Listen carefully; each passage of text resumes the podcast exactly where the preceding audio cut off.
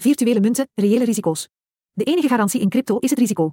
Deze podcast is bedoeld als entertainment en geen professioneel beleggings- of financieel advies. Bitcoin is een permissieloos veilig netwerk. Euro spaargeld is een garantie op koopkrachtverlies. Luisteren naar een podcast verbruikt elektriciteit. Dit is de Alles voor Bitcoin podcast. De stem van de Belgische Bitcoiners. Dit is aflevering 102. Vandaag staat één Bitcoin zeven, uh, ja, 47.628 euro, oftewel 51.580 US dollar. En daarmee kan u in België een 9.722 Big Macs kopen en een klein potje mayonaise. Uh, het is blokhoogte 832.024. En vandaag hebben we een beetje een, uh, ja, een speciale aflevering, want we zitten hier niet alleen samen met mezelf, Kim de Vos, maar ook met de anonieme co-host en Filip. Ik heet jullie allebei hartelijk welkom. Goedenavond. Mm, goedenavond allemaal. Goedenavond. Ja, we gaan vandaag een beetje ja, de, de nieuwtjes overlopen van de voorbije twee weken zeker, want er, er zijn er wel wat gepasseerd. En het is misschien ook eens tof om dat gewoon uh, met drieën uh, te doen en daar uh, wat snedige commentaar op te geven hier en daar. En ja, we kunnen natuurlijk niet anders dan beginnen met onze dierbare vrienden van de ECB, de Europese Centrale Bank ja, het was weer zover. Om de drie maanden moeten ze daar uh, hun paycheck verdienen. Met 3500 mensen zitten ze in Frankfurt in zo'n heel groot, mooi compound, een soort van campus, vol glas en beton, zoals dat hoort in de Fiat print maar bij wereld. En uh, ja, vandaag uh, hadden ze natuurlijk een, een beetje sneu nieuws. Want na het verlies uit 2022 van ruim 7 miljard euro, moesten ze nu dus aankondigen dat ze een 1,3 miljard, uh, dacht ik toch, ja, nee, 1,6 miljard, sorry, euro's uh, ja, in het verlies stonden. Dat is natuurlijk, ja, sneu. Maar aan de andere kant moesten ze daar natuurlijk met een sausje overgieten dat Bitcoin veel erger was dan zij zelf en dat Bitcoin helemaal geen waarde had. En dat, dat, was eigenlijk wel grappig, dat perscommuniqué, want daar, uh, als ik daar even uit quote, zeggen ze van ja, het is een globaal gedecentraliseerde currency, maar het is uh, nergens te gebruiken. Het kan niet gebruikt worden voor legit transfers. En het is um, zelfs met die ETF-approvals nog altijd niks waard en ook niet als investment. dus dat was, dat was een kort en bondige mededeling. Jullie reactie daarop? Ik zou zeggen, Philip, shoot. oh. Hoe kan ik daar nu beleefd op antwoorden? Ja, probeer, probeer. Er zijn 3500 mensen die betaald worden om dat op te schrijven allemaal. Dat korte tekstje, er moet toch iemand ja, wenen vandaag. Ja, wel ja, ik heb inderdaad bijna moeten wenen, maar dan eerder wenen van het lachen. Het is absurd, hè. Als je kijkt, ja, de ECB, laat ons, het is geen goed resultaat, hè, waar ze mee komen. En je moet het maar kunnen, hè. Je moet maar kunnen wanneer dat je eigenlijk aan niemand toestemming moet vragen om je monetair beleid uit te rollen of aan te passen. Aan geen enkele lidstaat wordt er daar een tussenkomst gevraagd. Je hebt geen enkele accountability. Eigenlijk, je doet maar op.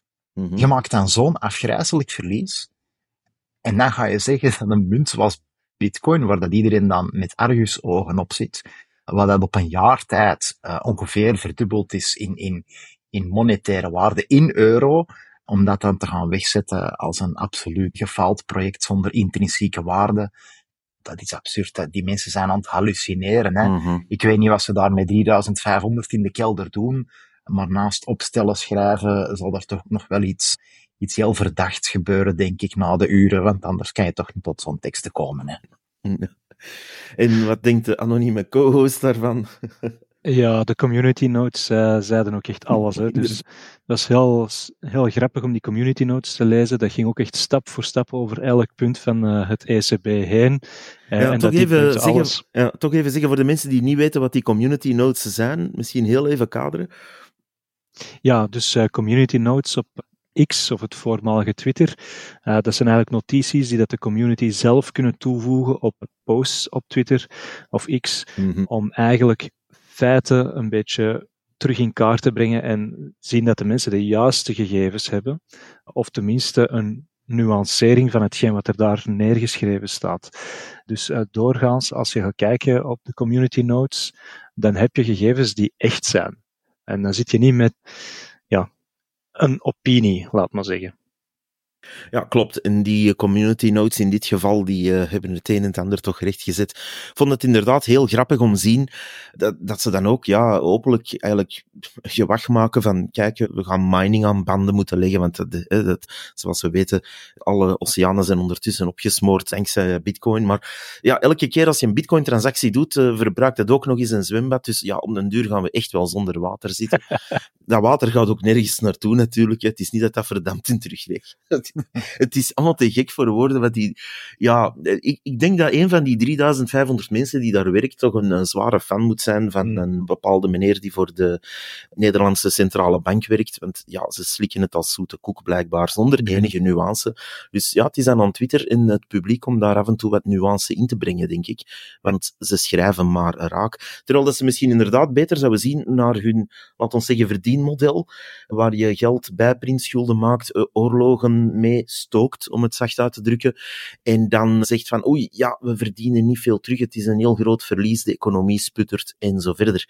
Dus ik um, ben zeer benieuwd hoe ze zich daaruit gaan praten eens de digitale permissie-jeton of de digitale euro uitkomt. Dat wordt, wordt ook nog een mooie, de leugens die we dan gaan horen. En nu al horen, hè? En nu al Ik, denk, ik denk dat dat eigenlijk hand in hand aan het gaan is, hè? want mhm. vorig weekend zagen we daar uh, meneer Thierry Breton heel trots kondigen dat ze met DSA komen. Mm -hmm. dat was dan een, een, een, voorstel tot wetgeving in Europa om misinformatie te gaan bestrijden. Ze zijn er dan blijkbaar in geslaagd om zonder enig democratisch overzicht het woord misinformatie te vervangen naar illegal content. Dus eh, wat dat hm. toch wel eigenlijk ja, ja, fors een andere betekenis heeft dan, dan enkel maar misinformatie, maar dat kan dus blijkbaar allemaal. Ja, en dat, dat, dat voor hen gelijk staat. Hè? Dat is gewoon van, mm, iets ja. dat niet in ons kraan past, is desinformatie, misinformatie of welke label dat we er En illegale inhoud inderdaad, maar dat mhm. impliceert natuurlijk wel, illegaal impliceert bepaalde gevolgen aan een, aan een, aan een daad stellen. Hè? Dat je dus ook bestraft kan worden om, om iets wel te doen, wat dat dan geacht illegaal te zijn. misschien is dat wel de enige manier om van die euro nog een, een succes te maken. Hè? Iedereen die die geen liedje zingt en dat ding niet bejubelt, ja, dat mhm. is dan iemand die illegale inhoud verspreidt waarschijnlijk. Hè. Ik heb de proef op de som genomen bij die ECB-post trouwens. Ik heb die gerapporteerd bij uh, Europa, voor te zien uh, of dat ze daar niks tegen konden doen, tegen die desinformatie. Uh, ik heb wel een braaf meldje teruggekregen dat zij dit blijkbaar geen desinformatie vinden, dus... Oké, okay. ja, that seems fair. Ja. seems legit. Ja, het is eigenlijk wel heel schrijnend. Ik heb dat eigenlijk uh, in, in het begin dat ik die podcast hier maakte al zo wat zien opkomen, maar het is eigenlijk heel op twee jaar tijd veel erger geworden. Hè? Dat je eigenlijk naar ja, Sovjet-achtige toestanden gaat qua desinformatie en qua dat opleggen. En dat we, dat we ondertussen zien dat ja, die digitale euro, de mensen worden daar naartoe genudged van oei, wat is het toch erg met, met de betalingen. En ze zijn nu een mooi trucje aan het doen. Dat is even een side note eraan met die cashbetalingen. En ze hebben dan eigenlijk verplicht van, ja, Belgische zaken moeten toch, uh, bijvoorbeeld een kleinhandelaar moet toch uh, ja, cash aanvaarden, uh, waar we op zich achter staan, denk ik. Maar ja, dan komt er natuurlijk een mooi toneeltje opgevoerd worden met VOCA en Unizo, die zeggen, ja, maar dat is wel moeilijk voor die winkeliers, kunnen we toch niets digitaal doen en dat dan verplicht maken? Allee, in die woorden wordt dat nog niet echt gevraagd, maar het gaat die richting uit. Want ja, anders is dat te moeilijk. Dus men, men is daar een heel mooi toneeltje aan het spelen, waar we natuurlijk weten dat de ridder op het witte paard die aankomt gereden om alles te redden, de digitale euro zal zijn natuurlijk. Dat, zo wordt dat binnengebracht. Ja. Ja, daar zag ik dan vandaag ook nog, uh, nog iets in de pers over verschijnen. Dat die dan toch permissioned zal zijn. Dat mhm. die dan toch niet anoniem zou zijn. En dat er dan toch een bovengrens van 3000 euro op zou zitten. En wanneer je erboven gaat, ja, dan zal je het in spaargeld of in iets anders moeten steken. In de staatsbond bijvoorbeeld. dus, uh, ja, nu... Zeer doeltreffend.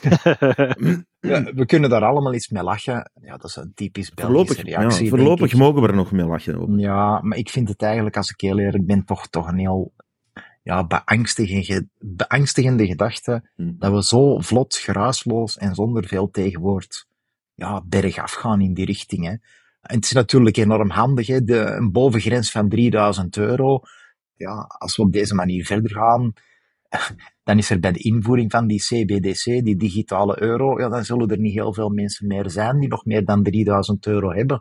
Dus dat protest, protest dat zal, ja, dat zal volgens mij niet echt heel fors zijn, hè, want de mensen gaan hun schouders ophalen en zeggen, ja, ah, dat heb ik toch niet. Dat ze dan al die rijke mensen maar straffen hè, met, Mhm. met meer dan 3000 euro. En wij zullen wel die digitale euro gebruiken, dat is toch gemakkelijk. Ja, ik, allee, dat, dat Mhm. houdt mij bezig. Ik vind het toch een beetje beangstigend dat het allemaal toch maar zo gemakkelijk en zo snel gaat. Het is ehm, zeer snel aan het gaan en als ik daarmee lach zelf, het is eigenlijk groen, want het is wel zeer, zeer schrijnend om dat fiat-spelletje op die manier te zien gebeuren. Vooral wanneer dat je bitcoiner bent en toch even voor het publiek die dat niet zijn en uit curiositeit naar deze podcast luisteren. Er zijn dus een soort mensen zoals wij, die bitcoiner zijn en die daar een ander idee over hebben. En wanneer je onze media overloopt, schijnt het alsof iedereen ja, slaafs achter dat geldprintsysteem aanloopt. Wel, dat is niet zo. U bent niet alleen. U ziet ja, dingen gebeuren en veranderen. En dat komt omdat men uw geld eigenlijk aan het afnemen is. Ik noem de digitale euro hier onomwonden, en ik durf dat zeggen nog, grootste hold-up die in Europa is gebeurd sinds 1946. En dat zeg ik niet zomaar, de geschiedenis bewijst dat ook, waar men eigenlijk het geld is gaan verwisselen, anders gaan indelen en noem maar op. En, dat fiatgeld moet om de zoveel tijd veranderd worden, want anders ja, heeft die staat die macht niet meer om dat te veranderen en om daar iets mee te doen.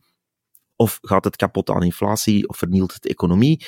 Men weet dat heel goed. En dan gaat men dat van vorm veranderen. En ja, die vorm was vroeger de Belgische frank, de oude dan, dan de nieuwe Belgische frank na de oorlog. En dan de euro, ja, eerst met een tussenstap, de EQ op de achtergrond, de euro, en dan ja, gaan we nu de digitale euro door onze maag gesplitst krijgen. En dat zal een, een finale vorm zijn, vrees ik, als we dit toelaten. En niet om te zeggen natuurlijk dat natuurlijk elke keer met een verlies van koopkracht gaat ook. Hè. Ja, klopt. En, en fors verlies van koopkracht. De mensen die zich dat nog herinneren, en dan, dat was er nog zelfs niet zo'n zware, maar 2002, toen de euro werd ingevoerd, ja, toen werd het leven toch wel een paar maanden zeer fors duurder. Hoewel dat winkeliers zogezegd één om één omrekenden. Om het cru te stellen, een broodje van 3 euro, dat kostte dan zogezegd 120 frank daarvoor. Tja, misschien een week ervoor wel, maar uh, niet vijf weken ervoor of uh, zes maanden ervoor. Dus dat is, dat is iets dat we toen heel duidelijk hebben gezien over heel Europa. En ja, zonder daar al te diep op in te gaan nu, want er, er, zijn nog een aantal andere dingen toen gebeurd die niet helemaal klopten. Maar men bouwt daarop voort. En nu komt die digitale euro en men gaat dat, je ziet dat zo gebeuren, het staat in de sterren geschreven, men gaat dat eerst vrijwillig invoeren. En dan na een paar maanden zeggen, ja, we gaan toch uitkeringen daarin uitbetalen. En dan zijn de ambtenaren aan de beurt en dan nog gepensioneerden die ook geen kant uit kunnen. En ja, op een duur wordt dat genormaliseerd en dan gaat men zeggen, ja, waarom aanvaardt u dat niet? Hè? De, misschien moeten we daar toch eens wat straffen op gaan zetten, of boetes, of wat dan ook. En ik, ik denk dat men dat gaat forceren op een duur. Ja, en dan gaat men ook nog vragen aan de burgers om zelf politie te spelen erover. Mm -hmm. Mensen die dat dan maar al te graag doen, die dan nooit de mogelijkheid krijgen om baas te spelen over iemand anders, die doen dat dan met plezier natuurlijk. Ja, ja, of je ja. komt op de markt en je wilt, uh, ik zeg maar iets, drie appels kopen. En die marktkramer die zegt, ja, kan dat niet in cash? En dan zeg je, oh nee, ik wil dat in de digitale euro betalen. Waarom aanvaardt u dat niet, meneer? Ik zie die discussies al gebeuren. Mm -hmm. Nochtans, het is in iedereen zijn voordeel, denk ik, om daar super hard tegen in het verweer te komen. Want welk geld u ook verkiest, stel je voor, u haat bitcoin, om welke reden dan ook, dan, dan moet er toch ergens nog iets zijn dat zegt in u van het, het eurogeld, zal ik maar zeggen. Zoals we dat vroeger kenden, of de Belgische frank, of goud, of wat dan ook anders, heeft nog een waarde. We kunnen daarover discussiëren, welke gradatie natuurlijk. Maar een digitale euro is per definitie geen geld meer. Wanneer er een limiet op staat, wanneer er een permissie op staat, wanneer het gelinkt is aan uw medische, medische gegevens, ID en zo verder, mm -hmm. dan is dat een wapen geworden. En misschien is dat wapen in het begin in, in de handen, laat ons hopen, van hele fidele burgers en democratisch verkozen mensen, die ons zeer goed vertegenwoordigen allemaal. Maar je weet nooit niet welk regime dat dat wapen mm -hmm. in de handen gaat krijgen. Nee. Ja, een van de uh, meest essentiële basisprincipes van geld hè, is dat dat in de plaats is gekomen in een ruileconomie om, om de coincidence of wants op te lossen, hè, om, om dus ervoor te zorgen dat je waarde kan uitwisselen voor goederen of diensten. Ja, en dat basisprincipe wordt losgelaten hè, met de digitale euro. Want dat wordt eigenlijk uh, ja, een, een, een couponboekje waar dat je onder, onder bepaalde voorwaarden wel of niet iets mee kan doen.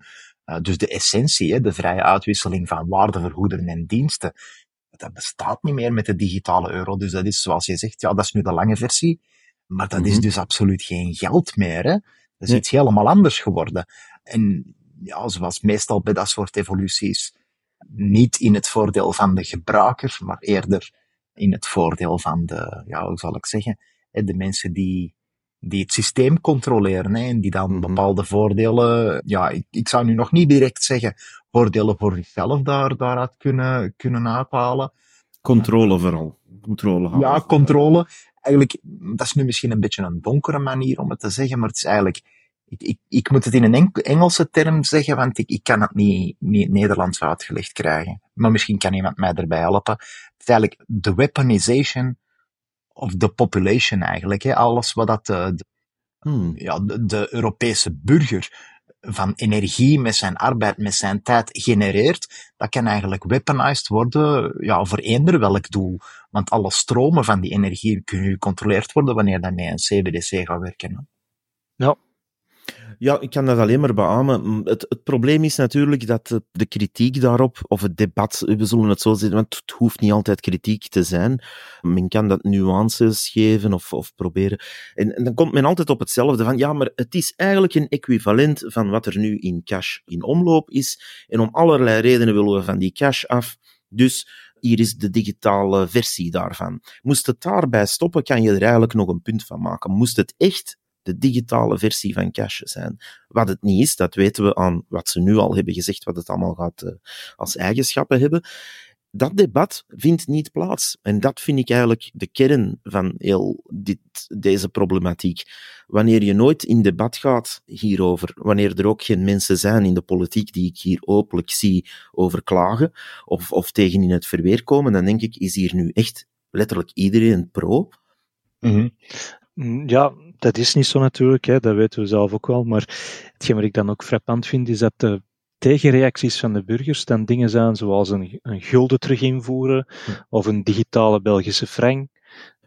Ja. ja, wacht. Moest ik kunnen kiezen tussen een digitale euro en een digitale Belgische frank, kies ik dan ook nog wel de digitale euro, om eerlijk te zijn. Dat, uh, maar goed, dat is dan mijn persoonlijke mening.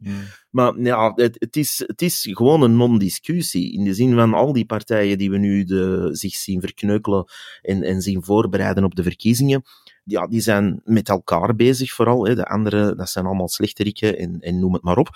Maar het gaat niet meer over een inhoud van, kijk eens, een van de meest waardevolle dingen, letterlijk, is hoe wij nog handel kunnen drijven, hoe wij onze moeite als burger nog kunnen zien verloond worden op een manier. En we betalen al enorm veel tax, dus dat is al een heikel punt, zeker in België. En dan is er gewoon geen debat over, ah ja, men gaat ons geld eigenlijk allemaal afpakken. Maar laat ons babbelen over uh, ja, een realityprogramma of zoiets. Het, het is, ja, het, het is heel vreemd wat er nu aan het gebeuren is. Veel afleiding. Ja. En ja, misschien, dat is misschien een... Een, een, kleine insteek. Ik heb, ik heb deze week wat zitten spelen met een andere vorm van geld.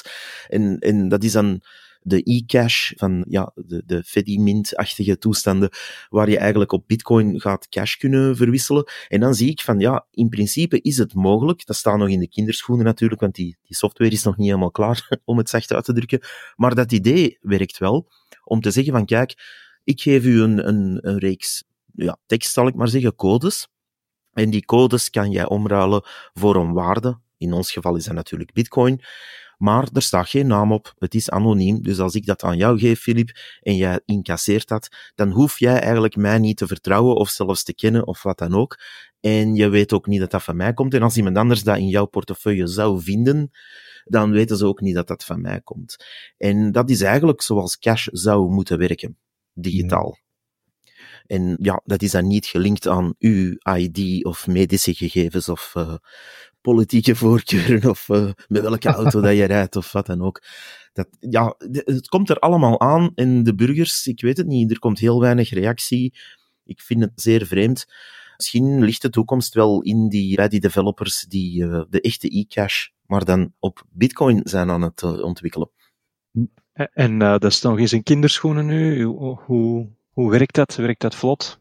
Op zich, als je het gebruikt zoals zij het voorschrijven, zal ik maar zeggen, dus gewoon zender-ontvanger, dan werkt dat eigenlijk heel vlot. Je genereert eigenlijk een code, ik zeg maar iets voor duizend sats. Dan krijg je een, een lange reeks cijfertjes, zoals een, uh, een beetje als een private key bij Bitcoin, maar dan nog langer. En dat stuur je naar iemand anders. Dat kan via, ik zeg maar iets, WhatsApp of uh, e-mail, maakt niet uit. En die andere gaat dat eigenlijk in zijn mint ja, in, incasseren, zal ik maar zeggen. Dus uh, die e-cash ontvangen en dan wordt dat eigenlijk naar daar overgeschreven. Het mooie daaraan is dat er geen transactiekosten bij zijn. Dus je, je voert dat in en ja, er is nul transactiekost. Dus dat is toch wel een enorm voordeel. Ja, het is bijna een equivalent van ja, de digitale cash eigenlijk. Hè. Het enige nadeel dat ik vond is, ik heb wat zitten spelen met verschillende wallets daar rond ja, de, de e-nuts en de mini-bits en noem maar op.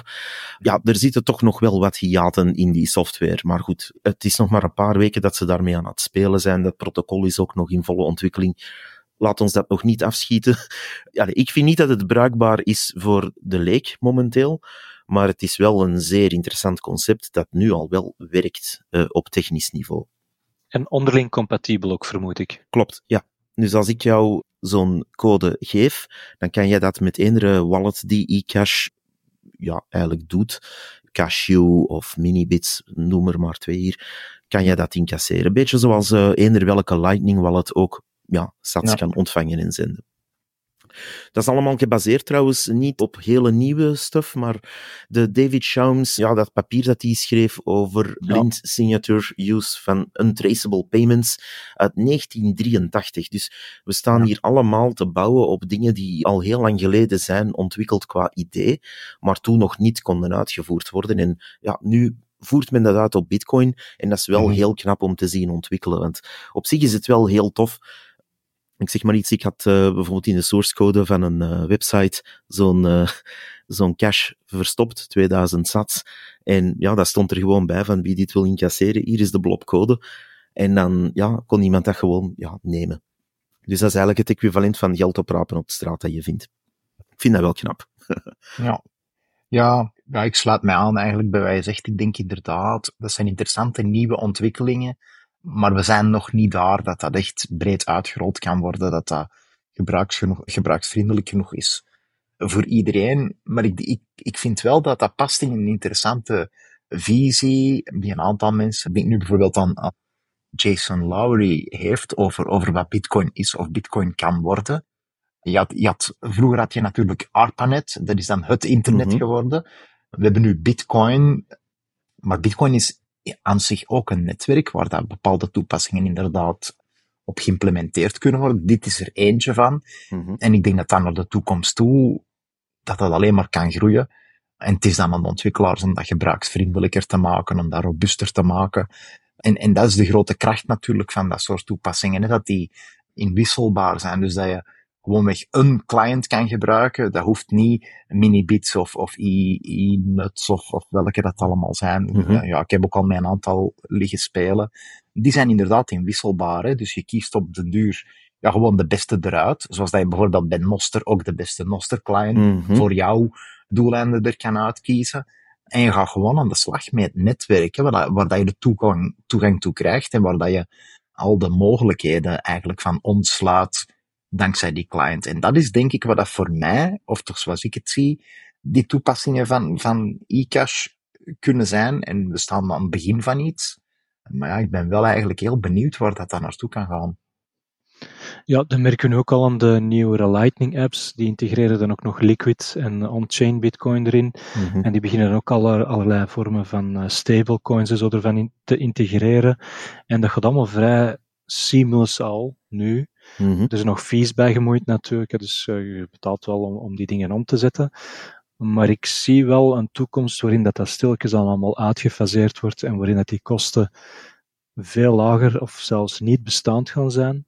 Dat je dus echt enkel alleen maar gaat betalen als je transacties echt op een bepaald netwerk wilt gaan doen. Dus als je zegt van ik wil specifiek op het Bitcoin-netwerk die transactie doen, ja, dan zit je vast mm aan de fees van het Bitcoin-netwerk en met Lightning-transactie aan die van het Lightning-netwerk.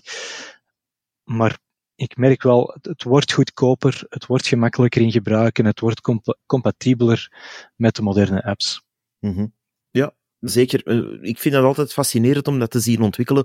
Bijvoorbeeld met Lightning in het begin, ik herinner mij die eerste Eclair wallet toen, dat was eigenlijk vreselijk om mee te spelen, maar dat was ook niet de bedoeling om mega gebruiksvriendelijk te zijn, dat was een concept om op dat netwerk te bouwen, om Lightning echt te beginnen kunnen, ja, te kunnen beginnen testen, bedoel ik. Mm -hmm. En ja, dat bestaat nog wel, maar ja, iedereen is erover eens dat dat nu niet de meest performante, coole app is ever.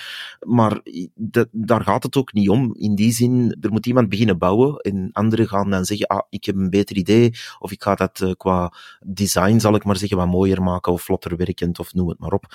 En dat is, dat is iets dat in de Bitcoin space echt wel gebeurt en waar bijvoorbeeld iets als een ECB niet tegenop kan, omdat ja, die, die ontwikkelen op een heel, heel ander niveau. Die gaan voor 450 miljoen mensen iets gaan uitrollen.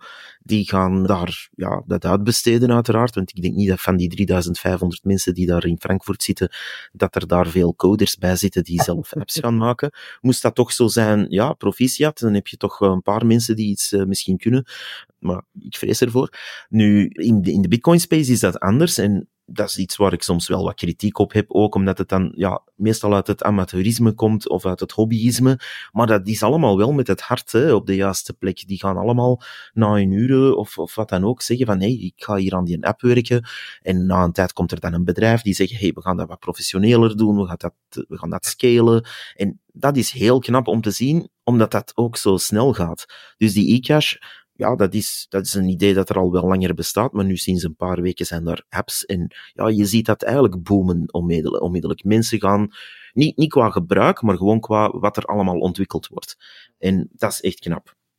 Mhm. Ja, de budgetten zijn natuurlijk een beetje anders dan in het fiat-systeem natuurlijk. Hè? Ja, wij kunnen geen geld eindeloos bijprinten.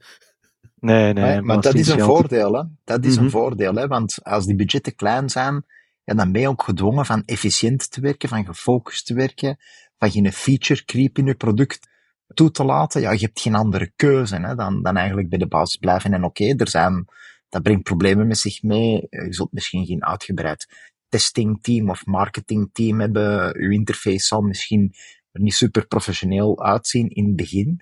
Maar, maar er is wel, ja, je bent gedwongen hè, van gefocust te werk -hmm. te gaan.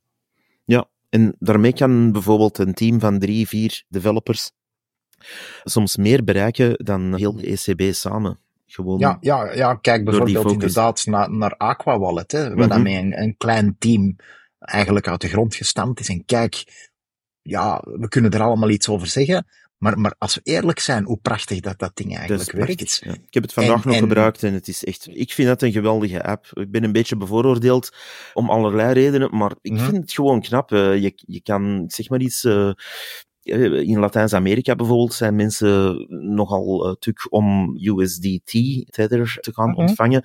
Ja, oké, okay, je krijgt daar 3 US dollar op die manier binnen en je kan dat meteen omzetten naar Bitcoin op het Liquid netwerk met minimale kost, om, om niet te zeggen, ja, zo, ja, geen mogen we niet zeggen, maar te, te verwaarlozen kosten. Ja, en dat is knap. En als je dan genoeg bij elkaar hebt, kan je zelfs een on-chain transactie doen of terug naar dollar en, en op die manier. Ik vind het uh, super. En als je een Lightning invoice wil betalen, gaat dat ook nog eens. Je zit niet mm -hmm. vast op het Liquid netwerk.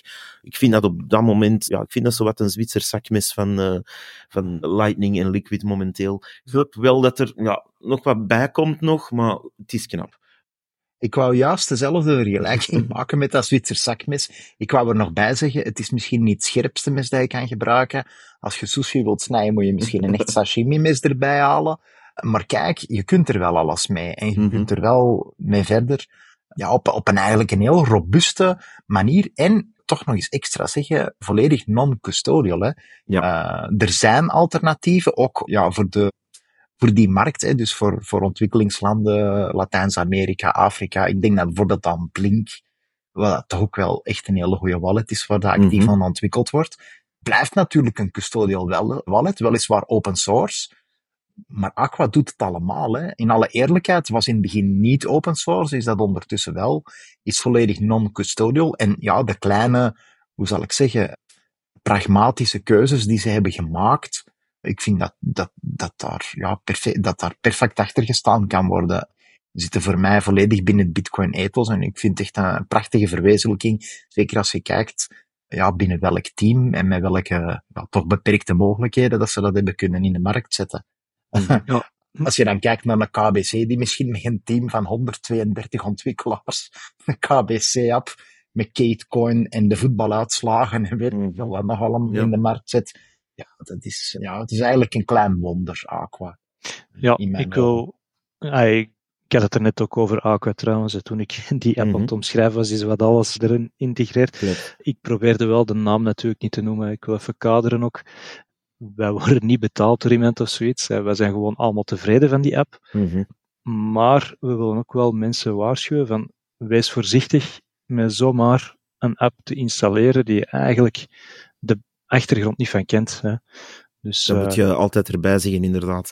Soms zijn wij, wij wat enthousiast, enthousiast over uh, bepaalde apps.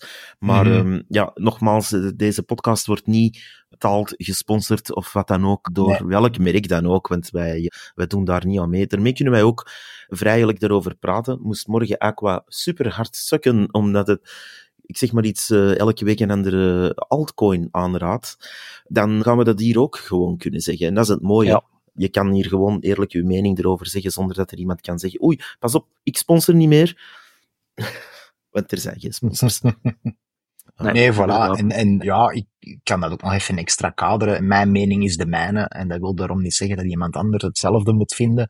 Of zelfde, zelfs maar diezelfde wallets moet proberen. Hè. Mhm. Ik zeg gewoon dat ik dat goed in elkaar vind steken.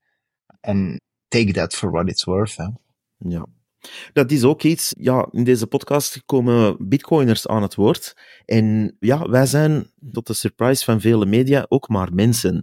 En dus wij, ja, wij proberen eens wallets uit, wij kijken wat er in de markt gebeurt. Wij zijn ook geïnteresseerd in bepaalde nieuwsfeiten. Gewoon, ja, omdat wij echte mensen zijn. En dat, ik wil daar een heel kleine anekdote vertellen. Ik kwam deze week iemand tegen die ik al heel lang niet meer had gezien. Een, een oude schoolkameraad, er stond ook iemand anders bij.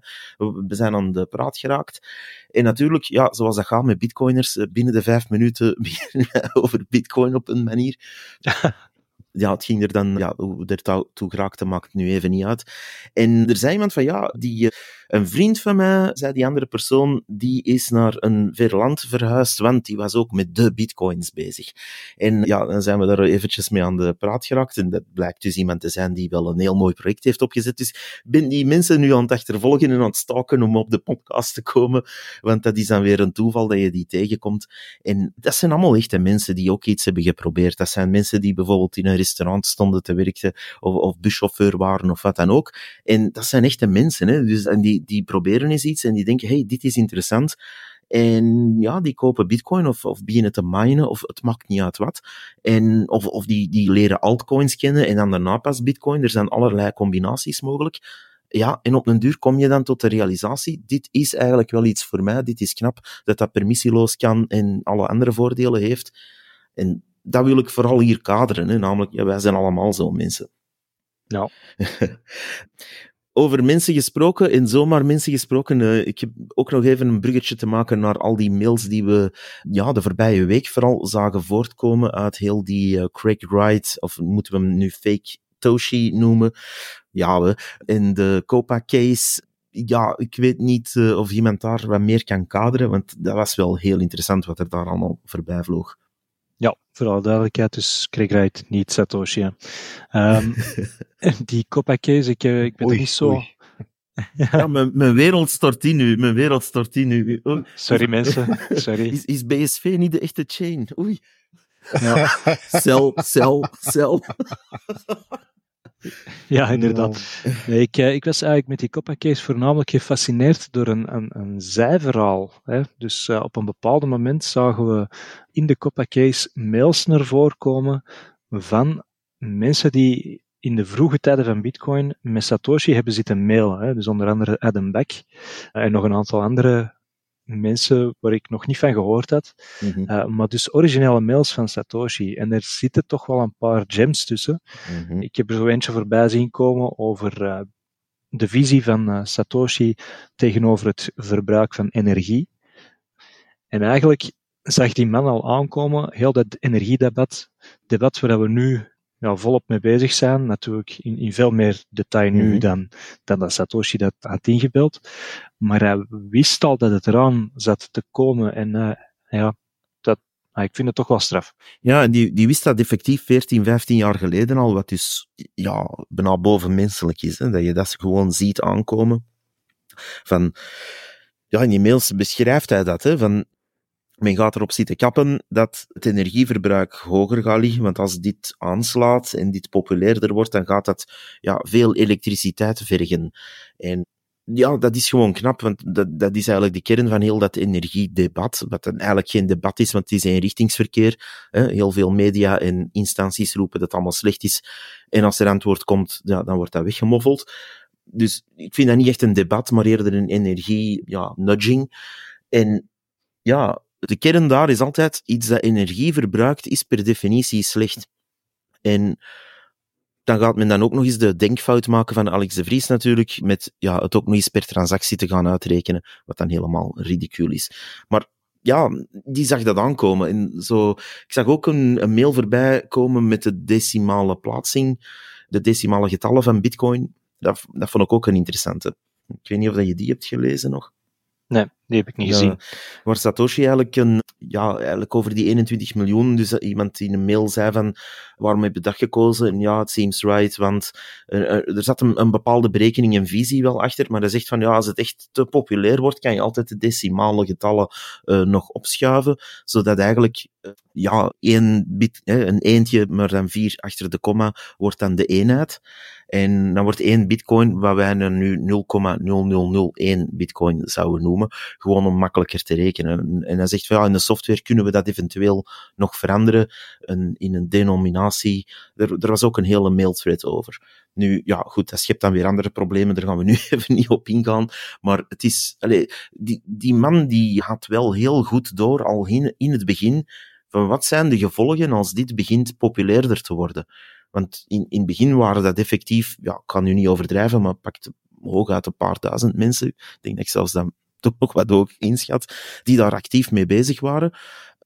Zeker qua development, dat was toen een handjevol mensen. Hè. En dat toen al voorzien van, ja, als dit aanslaat, als dit echt als payment method gaat gebruikt worden, wat zijn dan de scaling issues, wat zijn de problemen waar we tegenaan gaan lopen? Ik vind dat heel knap. En dan zijn er mensen die zeggen, ja, het zijn allemaal tulpenbollen en allemaal lucht. En dat is nu net het vreselijke eraan, hè, namelijk, we ja. weten die geschiedenis niet, hoeveel moeite en, en, en, energie en tijd dat daarin is gestoken, pun intended. Dan mm -hmm. verschieten de mensen ervan dat wij toxisch reageren of uh, mm -hmm. nogal kort, kort reageren op uh, zo'n uitspraken. Ja, klopt. Als je, als je ziet, allee, die, die rechtszaak toont ook eigenlijk de kern van waar het over gaat. Hè. Iemand duikt op in, ja, laat ons zeggen, dat is een rare meneer die beweert dan Satoshi Nakamoto te zijn, die dan blijkbaar een, een, een, een integer niet kende in, in software schrijven. Ik ben, ben nu zelf geen coder, dus ik weet niet precies over welke functie het ging, maar als je een coder bent, ken je die functie. Zeker in die taal. En men was daar dan aan het lachen. Ik had daar een hele mooie Twitter-thread gezien, waar men openlijk was aan het lachen van, wacht, die term kent hij niet, maar hij beweert Satoshi te zijn. En ja, dat is een van de zaken die nu eenmaal gebruikt worden om Bitcoin te bouwen. En ja, die functie kende hij niet in die rechtszaak. Dus ja, dat hij Satoshi niet daar zijn we het ondertussen allemaal wel over eens. Ik hoop ook dat hij daar uh, de nodige straffen voor zal krijgen, want hij heeft toch wel een heleboel mensen hun leven, laat ons zeggen, een beetje verpest door dat te zeggen en door hen rechtszaken aan te doen en noem maar op. Dus uh, ik hoop dat daar uh, een gepaste maatregel bij komt. Ja, dat is nu echt wel iemand die het verdient om in de cel te belanden. Ik, uh, ik vind dat ook. Uh, zeker wanneer je ziet dat. Allee, ik ben nu niet de grootste fan van Peter McCormick, maar los daarvan, hij heeft die man zijn leven flink zuur gemaakt, omdat hij één keer heeft durven zeggen dat uh, Craig Wright niet Satoshi ja. was. Dat is gewoon schrijnend. Hè? Ja, niet alleen Peter McCormick natuurlijk. Mm -hmm. hè. Ja, ook developers. Ik, ik moet, ja. Ja.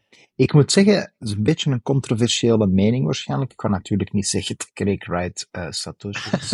Hoe? Ja, maar, maar ik, nee, maar ik ben er niet uit waar dat die man zijn probleem is. Mhm. Heeft, heeft hij echt een mentaal probleem? Dat zou ook nog kunnen. Of, of, en, en dan is het schrijnend, hè.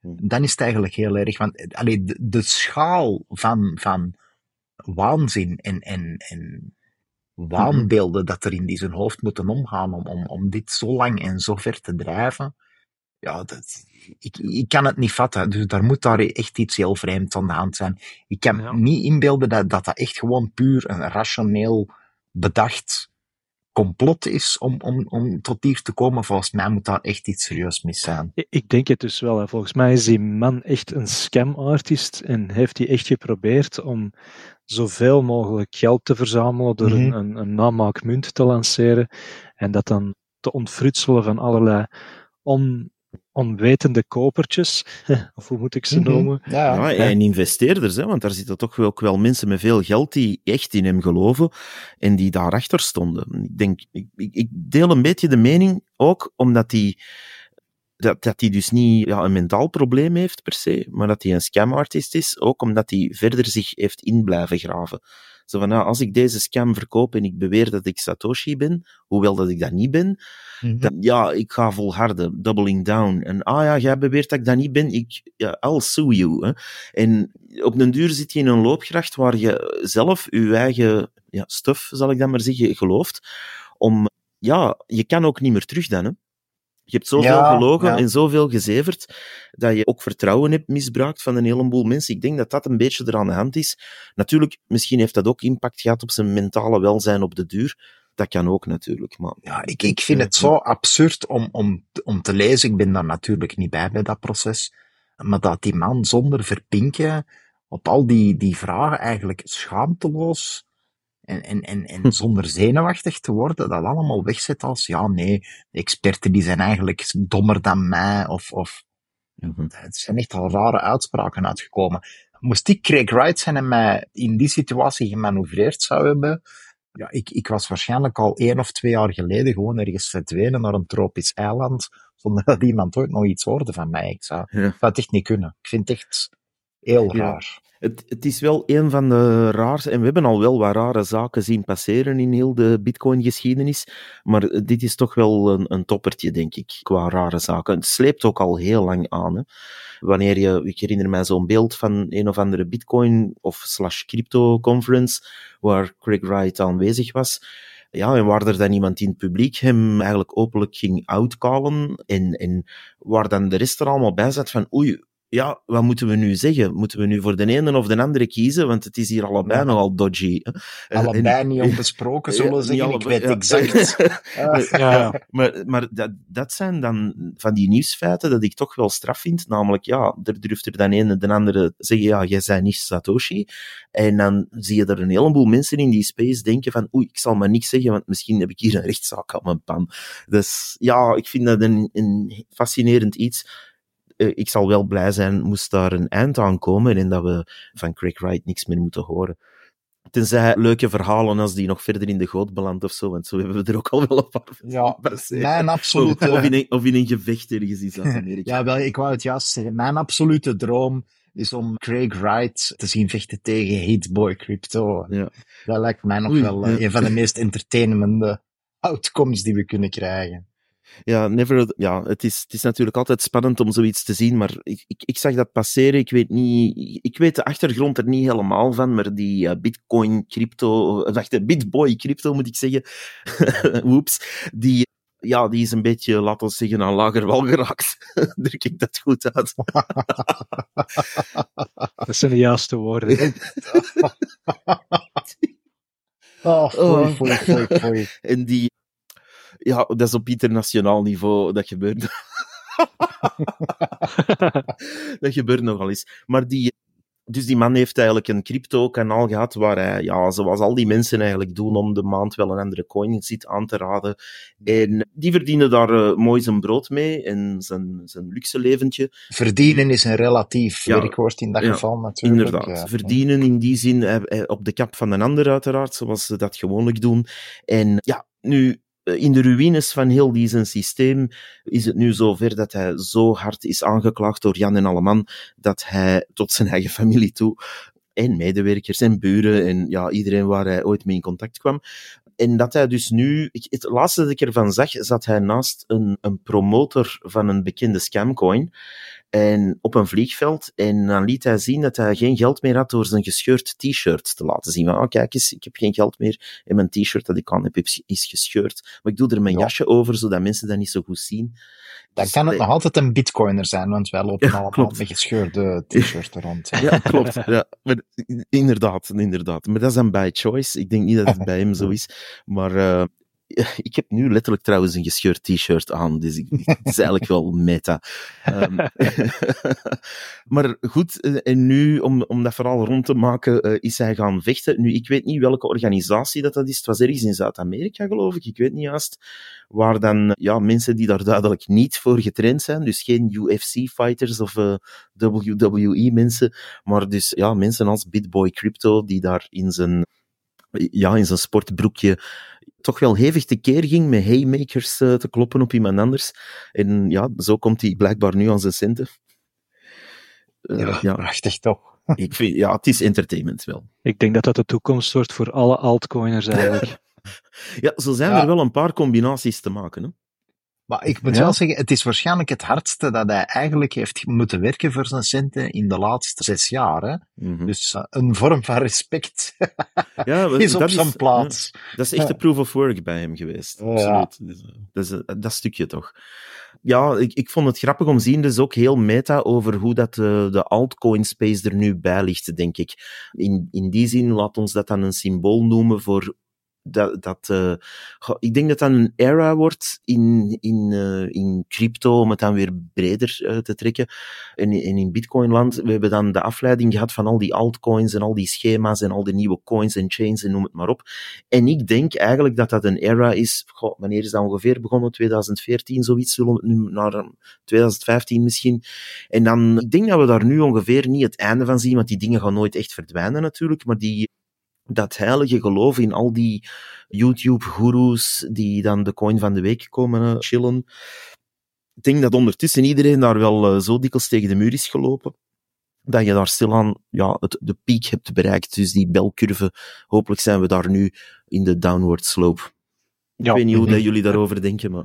Het zal nog lang niet gedaan zijn natuurlijk, maar ik, ik heb ook wel het gevoel inderdaad dat we nu echt wel op een punt zijn aan het toekomen waarbij de alle gebouwen in brand staan Mhm. en dat iedereen eh gillend naar buiten loopt. Mhm, mhm.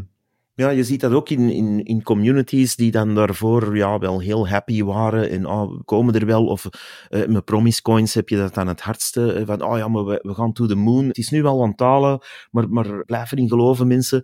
Ja, die mensen zijn dat al drie, vier jaar aan het roepen. En, en ondertussen zie je hun leiders en hun goeroes ja, één voor één neergaan. Hè. De ene zit in de goot, de andere moet fake UFC-fights doen. Nog een andere moet zich interessant maken door in een soort van koud bad te gaan kruipen om whatever te bewijzen. Die lopen zich wel graag in de kijker, maar er komt nooit iets. Er komt nooit iets van, ah, wanneer gaan jullie nu eindelijk een betere bitcoin maken, zoals jullie al tien jaar zeggen. Je gaat dat niet kunnen doen, dat weten wij, maar allez, komt dan toch met iets. En dat, er zijn er een paar die wel een netwerk hebben en waar iets bruikbaars is. En wat zien we daar dan op gebeuren? Ja, scamcoins, en, en, en JPEG-trading en noem het maar op van speculatie. Dus Ja. dat, dat, valt wel eens ineen. Ja, Bitcoin brutalisme blijft dat promoten. Tussen al die gebouwen staat er dan in het midden een, eh, een brutalist gebouw. En eh, ja, de rest is op aan het branden of stort in elkaar of eh, is eventjes heel modieus. En ja, dat brutalist gebouw blijft gewoon staan natuurlijk. Maar het ziet er niet altijd even mooi uit, dat is waar. Ja, de vraag is natuurlijk waar moeten we straks met z'n allen naartoe vluchten als het hier in Europa niet meer te doen is. Dat is, eh, dat is een hele, dat is een hele goede vraag. Ik heb daar uiteraard geen antwoord op, maar het begint wel prangend te worden. Ik, ik denk dat bitcoiners zo de canary in de, eh, wacht, canary in de coalman zijn op dat punt. Ik denk dat wij ongeveer wel de eerste zijn om te zien waar het misloopt in de fiat-wereld.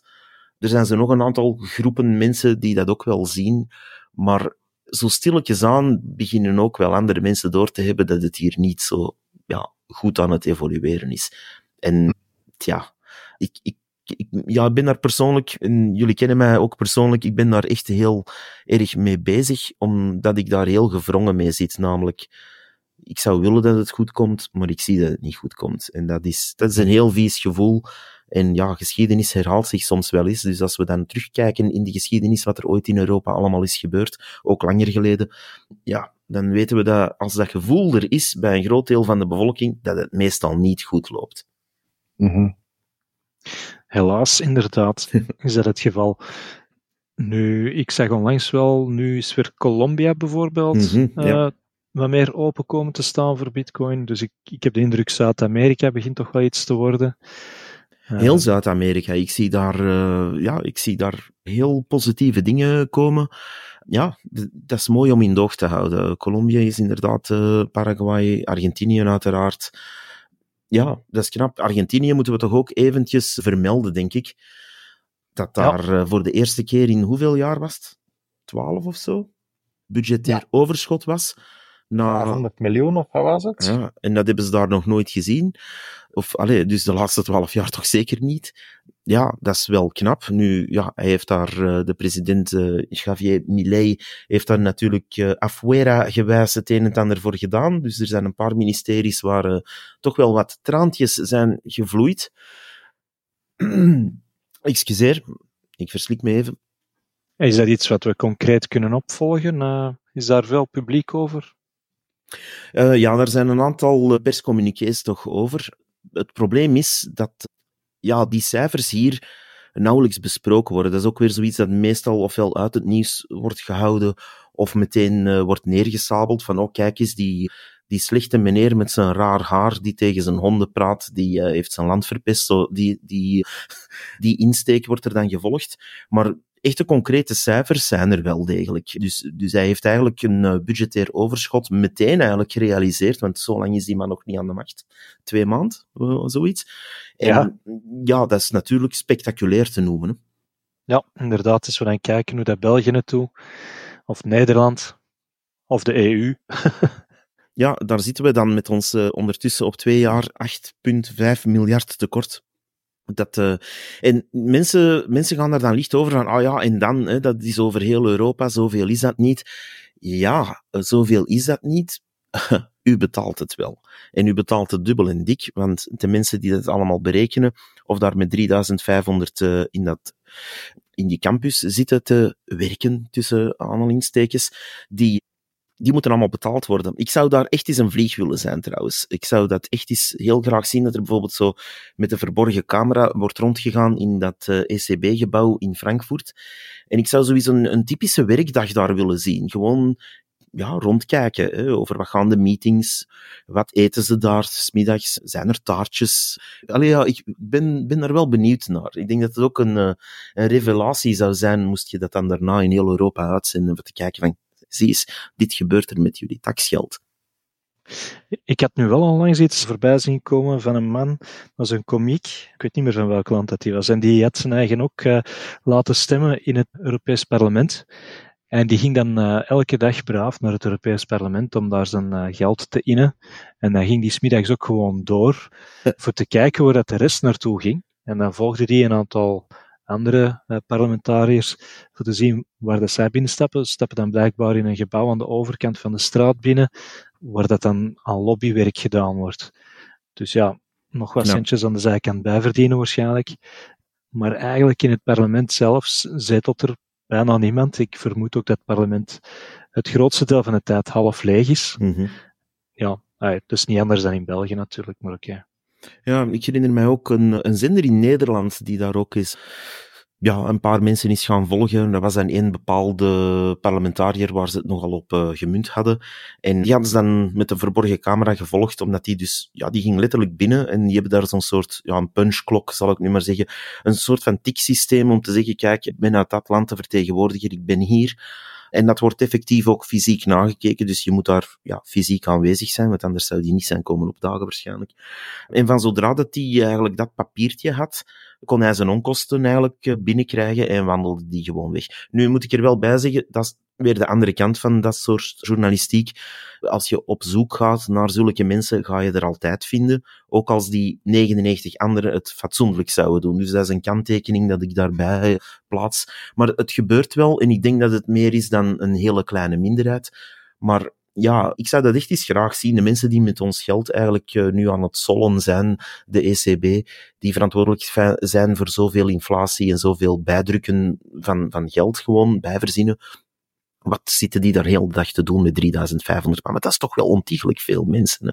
Dat lijkt me toch heel veel volk. Maar goed, als we dan zien, Javier Milei, die heeft daar eh, nu een voorstel gedaan om de centrale bankiers die zomaar geld hebben bijgeprint om de tekorten in de begroting toe te dekken, om die gewoon in de gevangenis te gooien. Dus ik uh, ben benieuwd wat daarvan komt. Ja, belangrijke nuance vanaf nu, heb ik begrepen. Ja, hè? Dus klopt. Het zou anders ja, heel radicaal zijn. Hè? Dus eer, eerder denk ik symbolisch, hè? Om, mm -hmm. om zijn huidig monetair beleid een beetje te kaderen, een beetje kracht bij te zetten. Dat ze dat absoluut vanaf nu niet meer willen doen. En dat mm -hmm. lijkt mij een heel gezonde zet. Ja, ja klopt. Kijk, we gaan het zien. Mm -hmm. Ja, het is, het, is, uh, het is een hele radicale houding. En als hij die toepast op zijn land, ik ben heel benieuwd hoe dat op langere termijn gaat zijn. Want hij kan nu wel natuurlijk budgetair overwinningen boeken door, ja, als je een ministerie sluit en je moet dat geld niet meer gebruiken, dat daar normaal verdiende, ja, dan win je op korte termijn uiteraard op de begroting. Dus dat is, laat ons zeggen, tussen aanhalingstekens makkelijk hij doet het toch maar, dus dat, dat is dan wel een pluim die ik hem geef. Dus ik ben heel benieuwd waar dat naartoe gaat. Ik wil hem zeker niet afknallen zoals hier in de pers al ja, vanaf de eerste dag gebeurde. Een aantal echt schandalige artikels waar je van denkt van waarom. Hè? Maar goed, Wow, die, die, zijn geschreven voor, voor de Europese markt, hè. die mm -hmm. zijn geschreven voor ons. Hè. Om, om alles wat daar gebeurt een beetje raar te vinden. En om eigenlijk alles wat hier gebeurt normaal en goed en, en mm -hmm. uh, ja, de norm te vinden eigenlijk. Hè. Dat is gewoon de enige bedoeling ervan. En om nog even terug te komen inderdaad op Millet en zijn beleid en, zijn resultaten nu. Laat ons het inderdaad op lange termijn zien, want ja, anders maken we een momentopname. En als bitcoiners zijn we absoluut niet van plan om op korte termijn dingen te bekijken.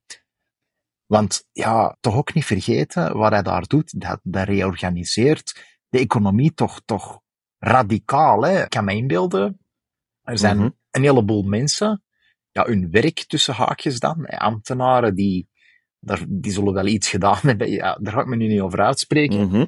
Maar het punt is wel, ja, die hadden een job, die zijn misschien nu werkloos. Dat heeft ook een impact, een, een economisch gewicht op, op een werkloosheidsuitkering. Ik kan mij niet inbeelden dat hij dat heeft afgegaft. Hm. Geef dat nu nog, nog zes maanden, geef dat een jaar en we gaan kijken hoe dat die economie, hoe dat die arbeidsmarkt zich aanpast. Want dat zou ook Mhm. nog wel eens serieuze ontwrichtingen met zich mee kunnen brengen. Hè? Mhm. Eh, als heel dat apparaat van ambtenaren, stel, zet daar 50.000 op straat. Ja, de disposable income van die mensen is lager wanneer dat zij misschien met een uitkering verder moeten. Ze gaan minder in de economie in- injecteren. Ja, dat die, alles hangt aan elkaar. Hè? Dus we moeten even kijken welke richting dat, dat uitgaat, denk ik. Ja, daar nog over. Dat, dat, allee, alles heeft altijd een effect en je moet ook durven consequenties te nemen. En dat vind ik zo knap aan wat hij in theorie nu probeert te doen. We gaan zien hoe het eindigt, uiteraard. We gaan het nog niet bejubelen. Maar ik vind dat knap dat je dat al probeert. Want het, makkelijkste is natuurlijk om met die gevestigde structuur verder te gaan, dat te blijven verdedigen ook als het niet werkt. En dat zien we in Europa fout lopen, vind ik. Hier neemt men niet altijd de consequentie van een beleid en durft men dat niet eens ja, te veranderen of een eh, experimentje te doen en daar ook weer de consequenties van te nemen. Ja, zie, Ja. zie bijvoorbeeld Duitsland hè, met, met heel hun energietransitie, zonder daar al te diep op in te gaan. Men heeft daar een bepaalde richting gekozen, voor of tegen maakt zelfs niet uit. Hè. Men gaat die richting uit en men zegt, ah, kijk, we gaan hier alle kerncentrales sluiten, we gaan puur voor die eh, groene energie gaan en dit is ons plan. En we gaan daar ook de consequenties van nemen. En we gaan die consequenties proberen te verkopen. Nu zijn ze dat een beetje aan het verdoezelen, maar uiteindelijk, ik vind wel, ja, je moet je beleid kunnen voeren en daar dan de consequenties van nemen, wat het ook is. En dat moet je dan maar verkocht, verkocht zien te krijgen. Nou, en hetzelfde zien we natuurlijk ook in België met de kerncentrales. Hè. Dus eh, Mhm. eh, dat, is, dat is echt wel een stap richting degrowth. Ja, klopt. En ook degrowthers zelf, als ik daar dan over lees, want ik vind dat op zich een heel interessant gegeven om te zien moet ik het zeggen, hoe, hoe gaan die om met hun ideologie, om het dan zo te noemen? Het is niet echt een ideologie, het is eerder... Uh, iets anders. Maar goed, eh, die, die, dus die mensen geloven daar uh, hard in, maar die nemen niet altijd de consequenties daarvan. Van, als je zegt van, ik ga het nu kort door de bocht zeggen, van ah, we gaan morgen alle vlees afschaffen, tenzij dat je daar een dikke boete op betaalt, mag je het niet meer kopen. En dat produceren en zo, dat, we leggen dat allemaal aan banden. Dus eh, als je nog een biefstuk wilt eten, dan gaat het 2000 euro kwijt zijn, bij wijze van spreken. De consequenties daarvan, daar denken ze niet over na. Maar dat kan in de positieve en negatieve zin zijn, daar spreekt men niet over uit. Maar gewoon, dat wordt altijd zo gebezigd van, je hoort dat soms ook bij marxisten, hè, van oh ja, als we nu eens iedereen zijn geld afpakken en het dan verdelen, ja, heb je al eens nagedacht aan de consequenties ervan? Ja, nee, we moeten dat gewoon doen. En dat, dat zie je aan alle, in elk politiek spectrum zie je dat. Hè? Zo van, oh, we gaan dit doen en dan, ja, de consequenties zijn niet voor ons. Ja, en als je in het fiat-systeem zit, dan heb je natuurlijk geen enkel wapen ertegen. Hè. Dan zit je er echt slachtoffer van. Ze kunnen met je geld doen wat ze mhm. willen. De als meest, ze het willen afnemen, is weg. Daarmee is het zo gevaarlijk om die digitale euro te krijgen, want je weet niet welk regime dat je gaat krijgen. Ja. Met dat wapen. Ja, van de ene dag op de andere dag kan het zomaar van je rekening afstaan. Yep. Het zal ook gebeuren, hè? want het is geen science fiction wat we hier zeggen. De mensen die hier nu naar luisteren van, oh ja, het zal mijn tijd wel duren, dat is allemaal niet waar. Dat zijn dan ook bitcoiners en wappies die dat allemaal verzinnen.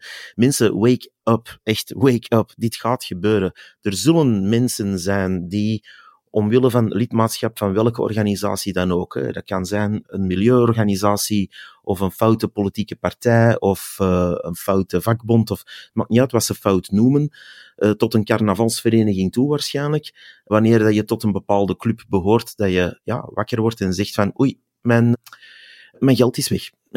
of, of het bestaat niet meer, of ik mag het niet meer uitgeven. Dus, ja, zoals het onlangs ook weer met Payconic. Mm -hmm die hadden toch ook de mogelijkheid van het Payconic-netwerk te gebruiken stopgezet voor bedrijf. Ik weet niet meer welk bedrijf het was. Kan er iemand inspringen? Dat was uh, voor een, uh, een politieke organisatie. Ja, ja, ja, ja. Voor Zaninova. Nou ja, zoiets. ja. Maar ja. Wat, is dat nu een, een rebranding van Vlaams Belang? Of Geen idee. Belang met nog een partij? Ik, ik weet het niet. Ja, het is irrelevant zeggen, een, een politieke partij, in principe met stemmen, dus in principe democratisch legitiem, waar dat dan een, een, een paymentverwerker besluit dat ze die niet als klant willen, mm -hmm. basically. Ja. Ja, en dat, dat schept natuurlijk een precedent, want op, op die manier kan je gaan zeggen, ah, een landbouwer, ja, die krijgt het ook niet meer, want die produceert vlees. Of goh, ja, een, een communistische partij in Antwerpen, ja, die mogen ook geen feestjes niet meer doen en die mogen zeker geen Payconic meer gebruiken. Waar trek je de grenzen? En ik vind dat die grens al ver overschreden is door mensen uit random bijna hun bankrekeningen uh, op non-actief te zetten. Uh, Payconic heeft hierop, moeten we wel zeggen, op hun stappen teruggekeerd, omdat ze zagen dat dit de foute richting uitging. Maar ja, ja het zijn zo probeersels precies. Hè. Het zijn zo van, ah, we gaan dat proberen met iemand die toch, laat ons zeggen, in de rest van het land niet zo mega populair uh, overkomt. Het is niet dat iedereen in het verweer sprong voor, uh, voor die man zijn uh, partij. Ik ken die partij niet, dus ik ga mij daar niet over uitspreken. Het gaat er ook niet over. Al is dat de lokale beenhouwer. Het, het is waarschijnlijk de lokale beenhouwer. maar uh, ik, ik, ik, kan het niet zeggen. Maar gewoon, dat, dat maakt niet uit. Maar ik, ik vind gewoon, stop met bankrekeningen als wapen te gebruiken en stop met een betaalterminal als wapen te gebruiken. Tenzij er natuurlijk een rechter iets beslist. Dat is weer iets anders natuurlijk. Ja. Ja, en ze zien tegenwoordig ook echt alles hè, wat je doet. Ja, meer dan dat je zou denken. Ik zag zoiets passeren van iemand die uh, aan zijn oor krapte en blijkbaar een boete had, omdat hij zo gezegd was aan het bellen, maar hij had toen geen uh, smartphone vast. Blijkbaar houden de camera's ons overal altijd in het oog. Dat is ja. um, straf eigenlijk. Um, zo eentje heb ik ook voorbij zien komen.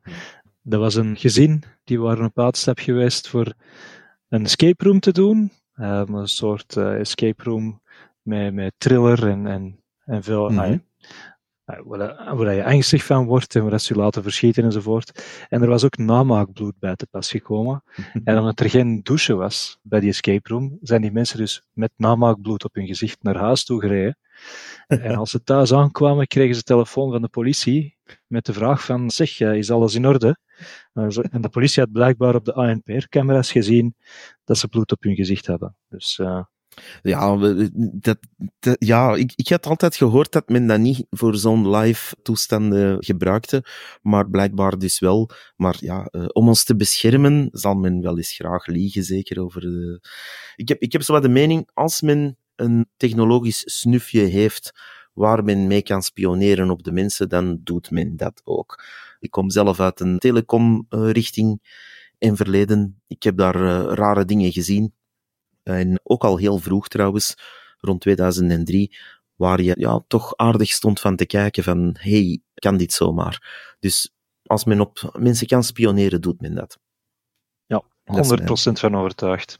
Nu, ja, in dit geval is het nog redelijk onschuldig.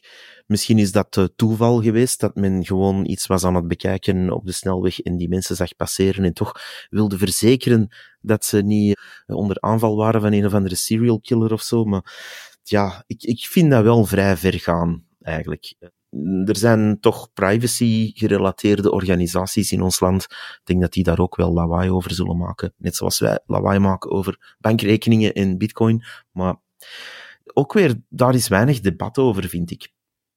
Dat, uh, ja. ja, dat wordt, dat wordt weggehouden van de mensen, heb ik de indruk. Mm -hmm. Dat gaat nooit op mainstream media, uh, gaat er nooit iemand met een privacy-argument naar voren gebracht worden. Ik heb al wel eens een keer een professor of zo een privacy-argument horen aanbrengen, of een politicus. Uh, maar meestal is dat nogal kort en mm -hmm. schepen ze dat heel snel af. Ja, ja, het is altijd het excuus van we doen het om de mensen te beschermen en basta. Dan, daar moet je het dan maar mee doen. En als je niks te verbergen hebt, waarom je dan... Ja, dus de, ja, misschien is nu wachten tot er een, ja, een bepaalde soap hier in uh, Vlaanderen, waar er een uh, bepaald personage dan ook slachtoffer wordt van een ANPR-camera die bijvoorbeeld heeft gezien dat hij te veel vlees had of zo. Dat, of dat hij... FC de kampioenen. Voilà, ja. Ik, ik vind het nog steeds jammer. We hebben er ooit eens een grap over gemaakt. Ik denk dat we toen in een café of zo zaten. Maar uh, het is wel eens tof misschien om dat hier op te brengen. Ik, ben, ik heb echt spijt dat FC de kampioenen gestopt is. Niet omdat ik dat zo graag zag, maar ik had de aflevering willen zien waar Dimitri de Tremery de bitcoins ging kopen en waar heel het café hem dat dan ging aan, afraden, of dat ook kocht, maar dat dan achteraf geen bitcoins bleken te zijn of zo. De bitcoin-aflevering van FC de Kampioenen had, laat ons zeggen, een iconisch moment uit onze geschiedenis, denk ik. Gedacht. Ja. Misschien moeten we dat gewoon zelf spelen. Ik stel mij alvast kandidaten met een blauwe overal en een rode pit mijn beste acteerprestatie neer te zetten. ja, bij deze moesten de acteurs willen meedoen. Ik stem voor Balthazar Boma, die dat dan de rol van Craig Satoshi Wright speelt. Uh, ja, ja, ja, ik zie het al zeggen aan een toch van ja, als dat dan zo gemakkelijk is om van die coins te maken, uh, een Boma-coin, ja, ik, ik, zie het uh, scenario al zo voor mij. Ja. En ja, Nero kan natuurlijk de rol van Dogecoin heel makkelijk opnemen. Het scenario schrijft zichzelf. Ja, ja, ja. Voor de Nederlanders die luisteren, negeer het, negeer het. Ja, jullie mogen nu, uh, nu tune-outen en naar iets anders luisteren. Iets over. Als België over FC de kampioenen beginnen, is het meestal het einde van de conversatie. ik denk dat we stilletjes aan hier ook mogen gaan afronden. Uh, ik wil nog wel even vermelden dat wij uh, ondertussen ons aan het klaarmaken zijn om naar Bitcoin Atlantis te vertrekken. De Alles voor Bitcoin podcast gaat daar toch al zeker met twee man aanwezig zijn, denk ik. Correct. En ja, dan gaan we daar eens kijken, want dat is zowat de Bitcoin-conferentie, toch in het Europese gebied.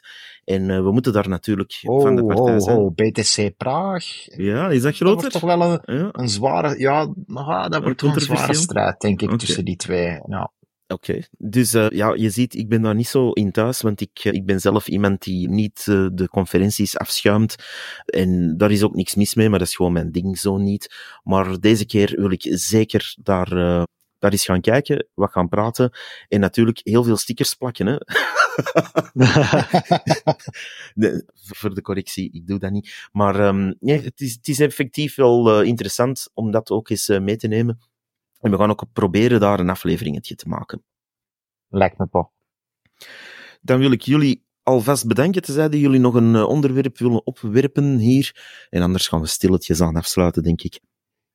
Het is mijn plezier. Mm -hmm. ik spreek jullie graag uh, voor de volgende aflevering of die daarna terug. Super, super. Bedankt dat jullie erbij waren. Ik ga hier inderdaad afsluiten. En uh, ja, tot de volgende. Bye bye. Prima. Goedenavond.